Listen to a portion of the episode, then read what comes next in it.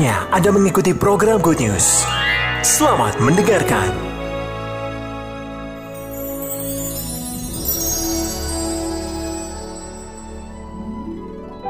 Shalom, salam sejahtera, selamat tahun baru 2024. Kita semua ada dalam penyertaan Tuhan yang dahsyat.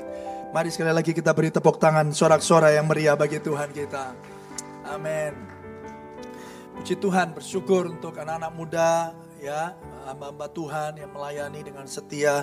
Bersyukur untuk penatua, para pejabat, diakan, diakones, ya, seluruh volunteers yang ada dan kemarin atau beberapa minggu yang lalu kita sudah melewati Natal dengan baik. Saya mengucap syukur dan berterima kasih atas nama gereja. Biarlah segala pujian, hormat, kemuliaan hanya bagi nama Tuhan. Amin. Puji Tuhan. Haleluya. Sekaligus mengingatkan Bapak Ibu Saudara bahwa ibadah sudah berlangsung seperti biasa. Termasuk juga di hari Kamis. Ya, kami mengundang Bapak Ibu Saudara untuk bisa bersama-sama di tempat ini. Kita berdoa bersama-sama ya memuji dan memuliakan Tuhan hari Kamis di Gedung Pondok Daud pukul 7 malam. Ya, mari kita masuk di uh, awal tahun ini. Topiknya adalah anugerah untuk melayani. Ya, dan bulan ini adalah bulan penata layanan atau bulan uh, stewardship, ya, bulan pelayanan. Ya, kenapa saya katakan bulan penata layanan atau bulan stewardship? Penata layanan atau stewardship itu dikatakan uh, dalam bahasa Indonesianya dikatakan begini Bapak Ibu Saudara, kita ini adalah pengelola yang baik. Ya nanti kita akan baca, saya sebelum masuk kita akan baca kembali 1 Petrus 4 ayat yang ke-10 ya. Mari kita buka sama-sama 1 Petrus 4 ayat yang ke-10. Saudara, mari kita baca firman Tuhan ini bersama-sama. 1 2 3. Layanilah seorang akan yang lain sesuai dengan karunia yang telah diperoleh tiap-tiap orang sebagai pengurus yang baik dari kasih karunia Allah. Yang percaya katakan amin. Di situ disebutkan dikatakan sebagai pengurus yang baik dari kasih karunia Allah. Artinya apa Bapak Ibu Saudara kita hari ini telah mendapatkan anugerah. Sama-sama yuk katakan anugerah. Anugerah itu sesuatu yang saudara dan saya tidak layak untuk menerimanya. Tapi hari ini oleh anugerah Tuhan, saudara terima kasih Allah itu. Itu anugerah, itu kasih karunia. Dan di situ dikatakan kita ini harus menjadi pengurus yang baik. Artinya tidak menyia-nyiakan anugerah, tidak menganggap sepele anugerah Allah. Oleh karena itu mari Bapak Ibu Saudara, Ya, topik pada hari ini adalah anugerah untuk melayani. Kita buka di dalam Roma pasal yang ke-12. Roma pasal yang ke-12 ayat yang ketiga ya. Nanti kita akan baca sampai ayat yang ke-8 ya. Mari kita buka Alkitab kita. Bapak Ibu Saudara tentu bisa membaca di layar tapi kalau kita bisa membuka di Alkitab kita masing-masing tentu akan lebih baik ya. Roma ya, Roma pasal yang ke-12. Roma pasal yang ke-12 ayat yang ketiga ya. Dicari buka ayat Alkitabnya Roma itu masih di perjanjian baru. Ya, puji Tuhan. Ya, ayo kita lihat ya. Bapak Ibu baca sama-sama ayat yang ketiga sampai ayat yang ke-8. Roma 12 ayat yang ketiga. Satu, dua, tiga. Berdasarkan kasih karunia yang dianugerahkan kepadaku, aku berkata kepada setiap orang di antara kamu, Janganlah kamu memikirkan hal-hal yang lebih tinggi daripada yang patut kamu pikirkan. Tetapi hendaklah kamu berpikir begitu rupa sehingga kamu menguasai diri menurut ukuran iman yang dikaruniakan Allah kepada kamu masing-masing. Empat, Sebab sama seperti pada satu tubuh, kita mempunyai banyak anggota, tetapi tidak semua anggota itu mempunyai tugas yang sama. Demikian juga kita, walaupun banyak, adalah satu tubuh di dalam Kristus. Tetapi kita masing-masing adalah anggota yang seorang terhadap yang lain. 6. Demikianlah kita mempunyai karunia yang berlain-lainan menurut kasih karunia yang dianugerahkan kepada kita. Jika karunia itu adalah untuk bernubuat, baiklah kita melakukannya sesuai dengan iman kita. Jika karunia untuk melayani, baiklah kita melayani. Jika karunia untuk mengajar, baiklah kita mengajar. Delapan, jika karunia untuk menasehati, baiklah kita menasehati. Siapa yang membagi-bagikan sesuatu, hendaklah ia melakukannya dengan hati yang ikhlas. Siapa yang memberi pimpinan, hendaklah ia melakukannya dengan rajin. Siapa yang menunjukkan kemurahan, hendaklah ia melakukannya dengan sukacita. Yang percaya katakan amin. Nah Bapak Ibu Saudara yang dikasih Tuhan Roma pasal yang ke-12 atau Roma di bagian ini itu menceritakan hal-hal yang praktis ya hal-hal kehidupan sebagai orang percaya. Kitab Roma sendiri dituliskan oleh oleh Rasul Paulus, Bapak Ibu Saudara, itu menceritakan sesungguhnya tentang Injil Kristus dengan sangat kuat bahwa Injil Kristus itu adalah sesuatu yang dibutuhkan oleh setiap saudara dan saya yang berdosa. Kita butuh anugerah, kita butuh kasih karunia, kita butuh sang juru selamat yaitu Tuhan Yesus Kristus. Tapi di bagian ini di Roma 12 ayat yang ketiga sampai ayat yang ke-8 itu menceritakan tentang kehidupan atau cerminan kehidupan orang percaya, kehidupan orang Kristen yang sudah ditebus. Haleluya. Nah, yang pertama Bapak Ibu Saudara kita akan melihat di sana ayat yang ketiga. Poin yang pertama yang saya mau sampaikan di situ dikatakan anugerah Kristus itu menghasilkan kerendahan hati. Ya, poin yang pertama yang saya mau sampaikan diambil dari Roma pasal 12 ayat yang ketiga. Tapi kali ini saya akan membacanya dari terjemahan sederhana Indonesia ya yang yang tertulis sebagai berikut. Saya akan baca buat saudara. Jadi saudara-saudari, sebagai rasul Allah yang dia pilih hanya karena kebaikan hatinya saya, maksudnya Rasul Paulus, menasihatkan kepada kalian masing-masing. Janganlah menganggap dirimu lebih penting daripada yang sebenarnya. Tetapi berpikirlah secara bijaksana, jujur dan rendah hati. Sesuai keyakinanmu tentang kemampuan khusus yang diberikan Tuhan kepadamu. Ya, saya ulangi. Di sana dikatakan tetapi berpikirlah secara sederhana, jujur dan rendah hati sesuai keyakinanmu tentang kemampuan khusus yang diberikan Tuhan kepadamu. Rasul Paulus mengingatkan kepada jemaat di Roma. Roma ketika itu kota yang besar, kota yang cukup maju, Bapak Ibu Saudara, bahwa anugerah yang mereka terima di dalam Kristus Yesus tidak seharusnya membuat mereka merasa lebih tinggi daripada yang lain. Merasa lebih hebat, merasa sombong Saudara karena telah menerima anugerah itu. Makanya di sana dikatakan jangan engkau berpikir lebih tinggi. Janganlah menganggap kamu lebih penting daripada yang sebenarnya. Saudara yang dikasih Tuhan, kadang kita sebagai orang Kristen merasa kita lebih superior. Kita punya jalan yang khusus, ya menerima keselamatan itu. Jalan menuju sorga. Saudara yang dikasih Tuhan, sadarkah kita bahwa sesungguhnya kalau hari ini Bapak Ibu Saudara bisa berkata ya Aba ya Bapa kepada Kristus Yesus Tuhan sebagai Tuhan dan Juru Selamatmu itu adalah anugerah yang percaya katakan amin.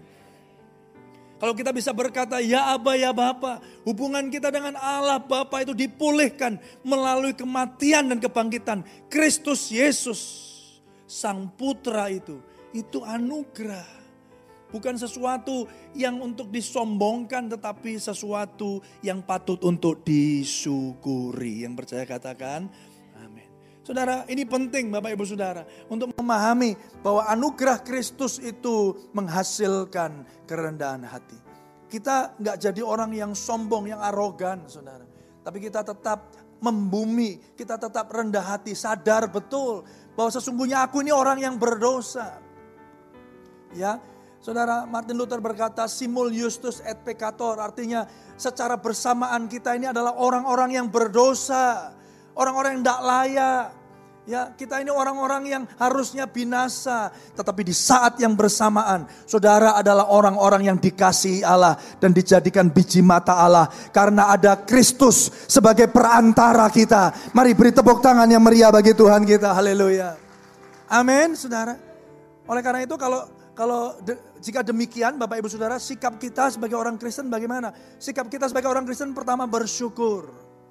Saudara, kita bersyukur, kita punya kerendahan hati. Kenapa? Karena kita ini harusnya berdosa. Tapi hari ini kita diselamatkan Allah. Tapi di satu sisi Bapak Ibu Saudara, kita juga nggak minder. Kita juga nggak ngomong begini, aku ini bukan apa-apa. Ya aku ini bukan siapa-siapa, aku nggak bisa apa-apa. Saudara, tidak, engkau sangat dikasih oleh Allah.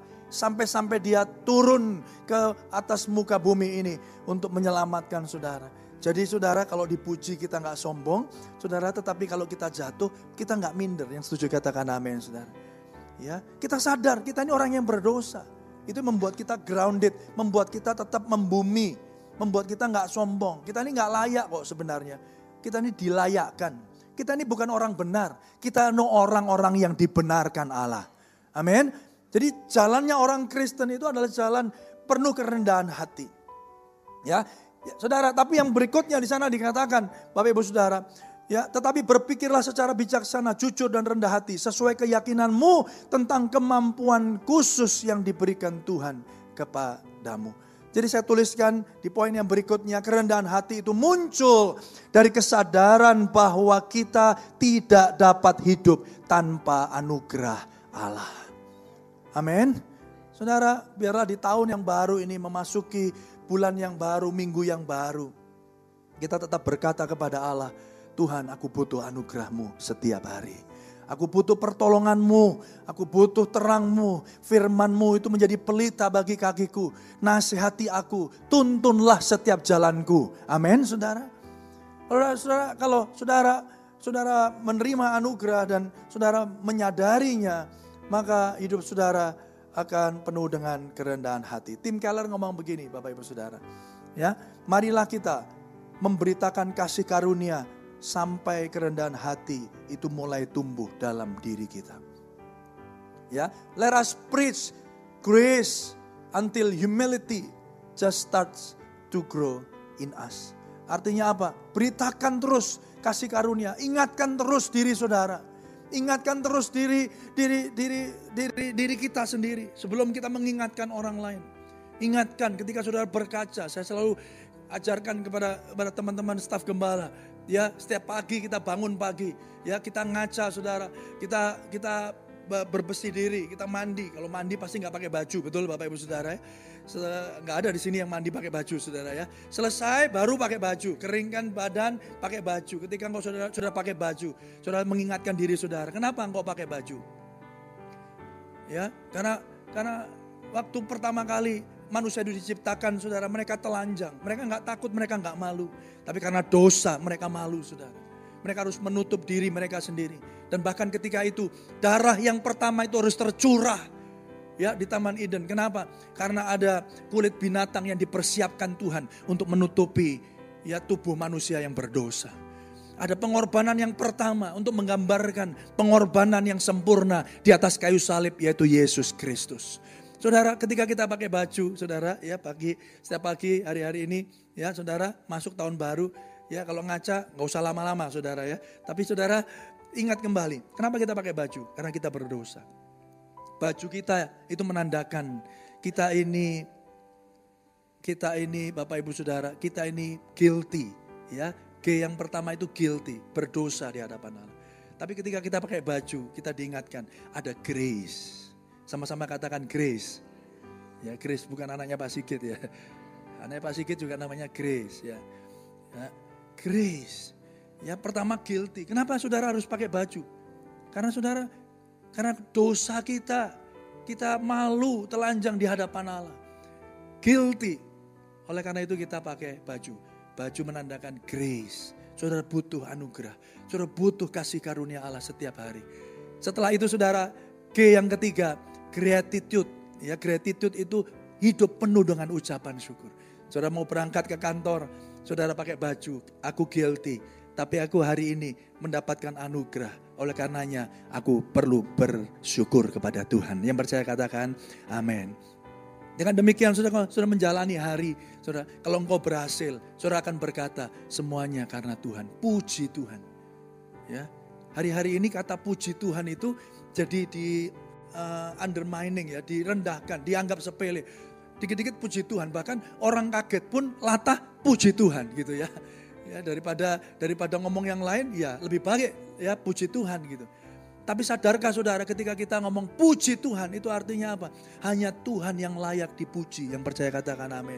Jadi kalau orang bilang engkau hebat ya pak. Engkau, engkau luar biasa ya bu. Engkau saudara bilang puji Tuhan. No bukan aku. Tapi Tuhanku yang hebat. Mari kita beri tepuk tangan yang meriah bagi Tuhan kita. Itu tanda bahwa saudara sadar engkau butuh Tuhan, engkau butuh anugerah Allah. Sehebat-hebatnya kita, kita percaya ada Allah yang terus menuntun jalan hidup saudara. Mari beri sorak-sorai yang meriah bagi Tuhan kita. Amin Bapak Ibu Saudara. Oleh karena itu preach setiap hari beritakanlah kasih karunia Allah. Pertama-tama kepada dirimu sendiri. Beritakanlah Injil itu. Ingatkan, aku ini orang berdosa. Aku ini harusnya gak layak. Tapi kalau hari ini aku dilayakkan Tuhan, aku patut bersyukur dan aku akan memuji, beribadah kepada Allah melalui pekerjaanku, melalui aktivitasku yang setuju katakan amin. Jadi ibadah bukan hanya hari Minggu, bukan hanya hari Kamis, bukan hanya hari Sabtu Bapak Ibu Saudara. Ibadah saudara sepanjang hari, sepanjang tahun, sepanjang minggu, sepanjang bulan. Engkau sedang menceritakan kebaikan Tuhan melalui hidup saudara. Saudara yang dikasih Tuhan, itu yang pertama. Ya, itu yang pertama. Yang kedua, Bapak Ibu Saudara, dalam perikop ini kita dijelaskan ayat 4 sampai ayat yang kelima. Tubuh Kristus itu satu, sama-sama katakan satu. Ya, kalau saya ngomong satu, dua, tiga, jangan di jangan di apa? Diasosiasikan sama ini ya, pemilu ya, Bapak Ibu Saudara ya. Bahaya nih ya. Tapi di situ dikatakan tubuh Kristus adalah satu, tetapi terdiri dari banyak anggota yang saling apa? Membutuhkan.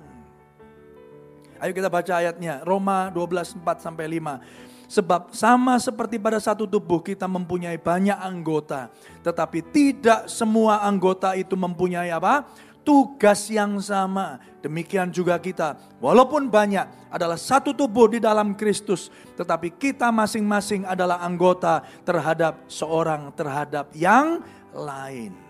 Ya, tetapi kita masing-masing adalah anggota yang seorang terhadap yang lain. Saudara dan saya kita kita ini semua gereja Tuhan satu tubuh. Sama-sama katakan satu tubuh. Satu tubuh banyak anggota. Tugasnya beda-beda. Beda. Artinya jangan pernah saudara membandingkan diri saudara dengan orang lain. Saudara punya tugas yang berbeda. Saudara, fungsinya beda, peran kita berbeda, tapi kita satu tubuh. Ya, kita masing-masing adalah anggota yang seorang terhadap yang lain. Kata kita ini anggota yang seorang terhadap yang lain ini luar biasa. Artinya begini, I cannot live without you. Yeah. Aku nggak bisa hidup tanpa kamu. Karena apa? Karena anggota yang lain memerlukan anggota yang lainnya. Yang setuju katakan amin. Benar ya Bapak Ibu ya Bapak Ibu? Bapak Ibu Saudara, itu itu satu kesadaran kalau kita ini satu tubuh, kita nggak bisa lepas dari anggota tubuh yang lain. Kita nggak bisa lepas dari anggota tubuh yang lain. Ya, Saudara bisa bayangin saudara, kita punya lima jari. Ya, ketika saudara menggenggam begini, saudara, itu itu apa namanya yang yang kelihatan kan apa jari-jari kita ini ya, jari-jari kita ya. Tapi sesungguhnya ada anggota tubuh yang lain yang nggak kelihatan yang menggerakkan jari-jari kita ini, benar nggak Bapak Ibu Saudara? Ya. Nggak bisa lepas, jari-jari nggak bisa sombong. Ya ini loh jari-jari enak, aku megang makanan, aku megang minuman, kamu nggak bisa. Nggak bisa karena ada syaraf, ada otot ya yang nggak kelihatan tapi berfungsi untuk membuat jari-jari ini bergerak sesuai dengan fungsi dan perannya. Yang setuju katakan amin. Oleh karena itu hari ini Bapak Ibu Saudara ketika sadar bahwa kita ini anggota seorang terhadap yang lain, mari kita hidup saling mendukung, saling mendorong, saling menguatkan, rukun sebagai anggota tubuh Kristus yang percaya katakan amin. Jadi kalau ada anggota tubuh Kristus, sesama orang Kristen, hidupnya saling menyakiti, sesungguhnya itu seperti tubuh sedang ngetaki, ya, sedang mukuli badannya sendi, sendiri. Ada di sini yang melakukan itu, saudara. Oh dasar tuh, matanya diculek gitu saudara ya. Ada begitu saudara? Dasar, wah, nggak ada kan saudara ya. Oleh karena itu Bapak Ibu Saudara, kehidupan komunitas, kehidupan orang-orang percaya Bapak Ibu Saudara, bahkan di, dicontohkan, diteladankan ya pada kehidupan jemaat mula-mula ketika itu. Mereka hidup berkumpul setiap hari, mereka kumpul di rumah-rumah. Mereka berbagi, tidak cuma makanan, bahkan berbagi harta milik kepunyaannya. Hidupnya rukun dan jumlah mereka ditambah-tambahkan dari hari ke sehari. Saudara yang dikasih Tuhan, kalau kita ini sadar, kita semua anggota tubuh Kristus. Mari kita saling mengasihi satu dengan yang lain. Yang percaya katakan amin. Saling mendorong. Tahu temennya salah, nggak apa-apa. Kita semua belum sempurna. Karena sempurna belum udah lupa ya. Sempurna? Belum. Berubah? Pasti. Ayo bisa yuk, ayo bisa yuk. Didoakan, ditolong, digandeng. Kalau kita melakukan itu sebagai anggota tubuh Kristus yang seorang terhadap yang lain, maka saya mau katakan sang kepala yaitu Kristus itu akan ditinggikan dan dipermuliakan dalam hidup Bapak Ibu Saudara. Mari kita beri tepuk tangan yang lebih lagi untuk Kristus Yesus Tuhan. Amin Bapak Ibu Saudara. Oleh karena itu bersatu dalam satu tubuh namun bertumbuh dalam panggilan yang berbeda. Jadi kalau temennya dipakai Tuhan seneng. Ayo kamu maju terus. Semangat. Apa yang aku bisa bantu. Kita bertumbuh dalam satu tubuh tapi bertumbuh di situ dikatakan dalam panggilan yang berbeda. Ada yang bagian aser, ada yang bagian multimedia, ada yang bagian pendoa, saudara. Ya, ada yang bagian kunjungan, visitasi. Saudara, siapa pun Bapak Ibu Saudara yang ada di tempat ini, engkau punya peran, punya fungsi di dalam satu tubuh Kristus yang percaya katakan amin. Oleh karena itu melalui kesempatan hari ini pun saya mengundang Bapak Ibu jemaat di hadapan di, di ya, uh, Bapak Ibu jemaat yang dikasih Tuhan. Saudara, kita ini diselamatkan untuk sebuah misi. Kita ini diselamatkan untuk sebuah tujuan. Ya, untuk sebuah pekerjaan yang baik. Oleh karena itu mari sama-sama yuk kita ikut melayani Tuhan. Apa pun fungsi dan pelayanan saudara. Ya, saudara mau, Pak saya nggak bisa Pak kalau disuruh uh, berdoa di depan. Nggak apa-apa, berdoa sebagai pendoa ya sebelum ibadah, bahkan selama ibadah. Saudara, mungkin sudah nggak bisa nyanyi di depan Pak. Semua note itu saya cari nggak ada suara saya Pak. Nggak masalah saudara. Ya, saudara lakukan hal yang lain. Tapi setiap kita berguna di hadapan Tuhan yang percaya katakan amin. Saudara, jangan hanya saudara berharap, ah saya cuman cuman pengunjung biasa. Nggak ada di dalam kekristenan saudara. Ya, nggak ada nggak ada dalam kekristenan jemaat biasa, jemaat awam, pengunjung. Nggak ada. Kita semua adalah murid-murid Kristus yang percaya katakan amin. Murid Kristus itu dilatih, murid Kristus itu bertumbuh, dipersiapkan untuk sebuah misi, untuk nanti dideploy, ya, dikirim saudara. Untuk apa? Untuk memberitakan kabar baik yang sama yang saudara sudah terima dari Tuhan. Yang percaya katakan amin. Amin Bapak Ibu Saudara, di mana pun saudara berada. Oleh karena itu saya mendorong, mari Bapak Ibu Saudara yang rindu untuk pelayanan, mari hubungi para staf gembala, apa pun. Saya percaya Bapak Ibu Saudara, ini teman-teman, adik-adik kita yang kameramen, saudara, saudara bisa dilatih. Pak saya nggak bisa pak, saya nderdek. Itu udah ada tripodnya, sudah tinggal gini aja diem gini sudah. Ya, saudara bisa apa namanya membantu setiap pelayanan Tuhan di rumah Tuhan ini untuk menyatakan kemuliaan Tuhan. Yang percaya katakan amin. Tadi Bapak Ibu sudah lihat di, di, di awal ibadah ada guru-guru sekolah minggu. Ini nggak ada anak-anak berlarian. Kenapa? Karena ada anak-anak yang sedang dididik di bawah, dilatih saudara, dilayani. Saudara, mereka pun itu hamba-hamba Tuhan, pelayan Tuhan. Saudara, semuanya upahnya sama. Yang setuju katakan amin. Mari beri tepuk tangan sorak-sorai yang meriah bagi Tuhan kita. Leonard Ravenhill ngomong begini, Church unity comes from corporate humility. Kesatuan gereja berasal dari kerendahan hati bersama. Saudara-saudara, gereja kita nggak akan bisa pernah bersatu kalau semuanya semuanya mau jadi WL. Semuanya jadi mau jadi pengkhotbah. Semuanya mau ada di bawah spotlight. Nggak bisa. Semuanya ada di sini, terus yang dikhotbahi siapa? Ya saudara ya. Jadi kesatuan hati itu datang dari apa? Dari kerendahan hati bersama. yang kelihatan pun harus rendah hati. Karena apa? Karena sesungguhnya kita nggak layak, kita ini dilayakkan. Bersyukur kalau saya masih diberi kesempatan, kalau saudara masih diberi kesempatan untuk melayani. Yang percaya katakan amin. Teman-teman kita yang pakai jas ini bukan lalu terus sombong, oh saya nih jas-jasan, hmm, hebat toh. Enggak saudara, kita ini jas-jasan karena apa? Karena dingin. AC ini ditambah saudara, luar biasa. Amin Bapak Ibu Saudara. Ya saudara di tempat ini nggak pernah nggak pernah nggak pernah kepanasan saudara. Gitu kok ya ada yang belum datang ke gereja, haleluya. Sudah ditambah loh, mau ditambah lagi, waduh kayak kutub utara saudara. Amin Bapak Ibu Saudara. Jadi semua kita ini sama. Satuan gereja berasal dari kerendahan hati bersama. Saudara, yang terakhir, ayo yang terakhir karena kita sebentar akan mengambil perjamuan kudus, saudara. Yang terakhir saya mau sampaikan, Injil tidak menghasilkan pengikut yang pasif, tetapi murid yang berdampak. Yang setuju katakan amin, saudara. Injil itu bukan cuma, eh ayo, ayo selamat yuk, ayo masuk kapal, masuk kapal, nggak tenggelam, ayo selamat, selamat. Terus di kapal sudah diam, ya, tolat, toleh, nggak ngapa-ngapain, saudara. No, Injil itu tidak hanya tidak hanya menghasilkan pengikut yang pasif, tetapi murid yang radikal, murid yang berdampak, murid yang jadi berkat, murid yang menghidupi visi dan rencana Allah digenapi sempurna di dalam kehidupannya. Mari beri tepuk tangan yang meriah bagi Tuhan kita.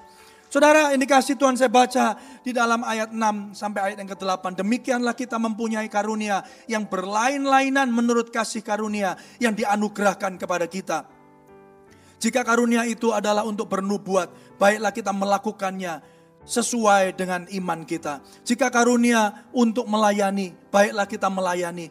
Jika karunia untuk mengajar, baiklah kita mengajar. Jika karunia untuk menasehati, baiklah kita menasehati. Siapa yang membagi-bagikan sesuatu, hendaklah ia melakukannya dengan hati yang ikhlas Siapa yang memberi pimpinan, hendaklah ia melakukannya dengan rajin. Siapa yang menunjukkan kemurahan, hendaklah ia melakukannya dengan sukacita. Udah dijelaskan sama Alkitab, saudara. Apa pun ya yang yang Tuhan taruh di dalam hati saudara. Apa yang kau punya, apa yang kau bisa, mari kita berikan untuk kemuliaan nama Tuhan. Amin, saudara. Saya diingatkan Tuhan dulu di awal-awal pelayanan saya, waktu saya masih sekolah ya, waktu di di Belanda dulu saudara ya ya bahasa Inggris, bahasa Inggrisnya masih nggak nggak jelas gitu ya saudara ya. Terus ada teman saya ngomong, eh kamu mau ikut pelayanan? Wih, pelayanan di gereja, iya. Wah tapi saya nggak bisa ngomong Inggrisnya gimana kalau kalau pergerejaan bahasa Inggrisnya kan agak susah gitu kan. Oh enggak kita cuma nyanyi aja. Saya jadi choir saudara. Ya, saya jadi choir. Jadi setiap Sabtu saya akan datang rame-rame ya uh, karena itu international service, saudara, itu teman-teman ada yang dari Amerika, dari Afrika, wah itu saudara semangatnya luar biasa. Kalau nyanyi goyang semua, saudara. Wah, saya setiap Sabtu, saudara, datang lagunya juga saya nggak ngerti, belajar, saudara. Baru hari Minggu nanti tampil, cuman satu lagu, eh biasanya dua lagu, tampil duduk lagi, saudara. Tampil duduk lagi gitu. Udah di pojokan gitu, ya nggak nggak sampai maju. Kenapa? Karena udah tempatnya sempit, kalau kalau maju sudah penuh sudah. Jadi kita duduk di tempat duduk kita di samping gitu, kita cuma berdiri, nyanyi, ya duduk lagi. Berdiri, nyanyi, duduk lagi, Saudara. Itu saya lakukan dari minggu ke minggu, dari minggu ke minggu. Saudara yang dikasih Tuhan, apa pun yang saudara dan saya bisa lakukan, mari kita lakukan dengan setia, dengan satu paham, dengan satu pemikiran bahwa kalau aku hari ini bisa hidup, itu karena anugerah Tuhan. Amin, saudara. Haleluya. Saudara yang dikasih Tuhan, murid yang berdampak itu apa? Ya. Dibedakan dua ya, dibedakan dua. Ada yang di atas panggung, di atas panggung itu saya kasih tanda kutip. Maksudnya apa? Yang sering orang lihat. Ya WL lah, pemain musik lah, ya, mengkhotbah gitu ya Saudara ya. Ya. Tapi itu itu karakternya atau sifat pelayanannya apa? Bernubuat, mengajar, menasehati. Biasanya dilakukan di atas mimbar begitu. Tapi juga ada yang di belakang layar. Ya, di belakang layar, man behind the scene. Nggak kelihatan, nggak kerasa. Tapi service ini atau ibadah ini dapat berlangsung dengan baik. Karena ada orang yang bersihin. Kursinya bersih, nggak ada sampah. Ya saudara, ada yang ngatur.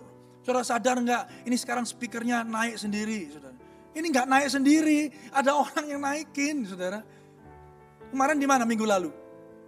Minggu lalu aku gak datang, Pak. Ya, gitu. Minggu lalu itu di bawah, ya, saudara. Ini kotaknya di sana. Tiba-tiba ini ngumpul sendiri itu kan nggak gini. Tiba-tiba kayak transformer gitu. Jeduk, gitu. Enggak, saudara. Ini ada yang jedak, jeduk, jedak, jeduk, saudara di atas. Hari Kamis doa malam mereka berhenti dulu.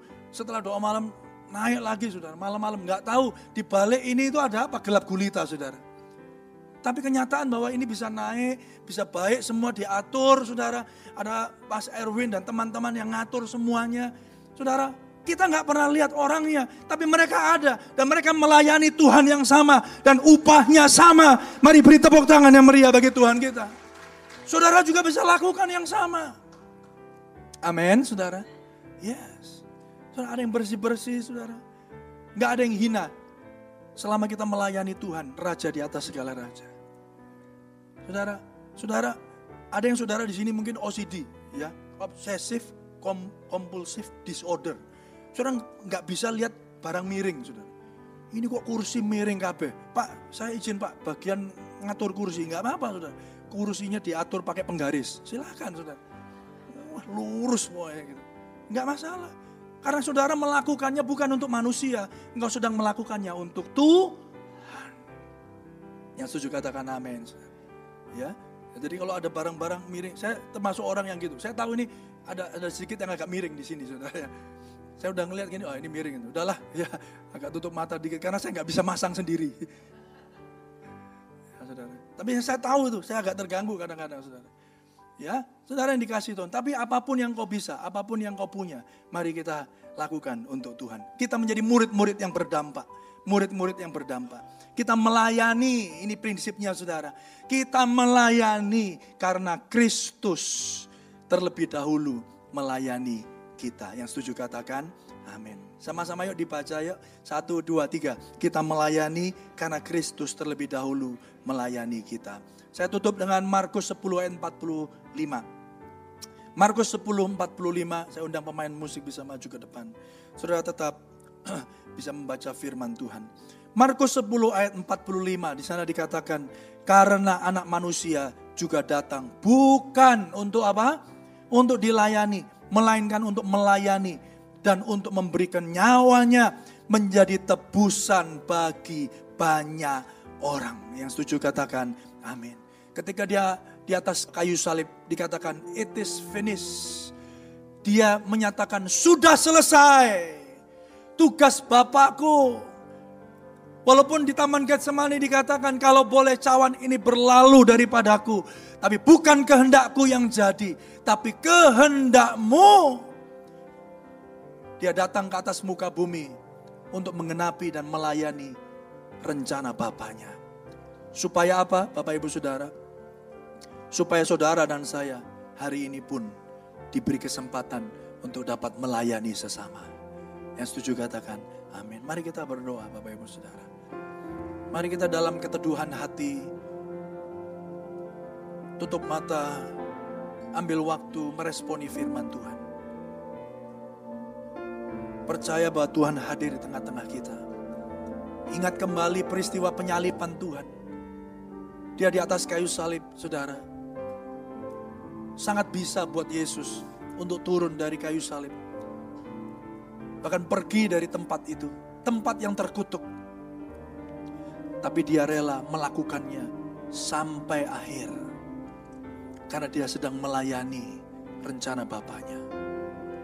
Supaya kita, saudara dan saya, hari ini boleh dilayakkan dan dimampukan untuk melayani Raja di atas segala Raja.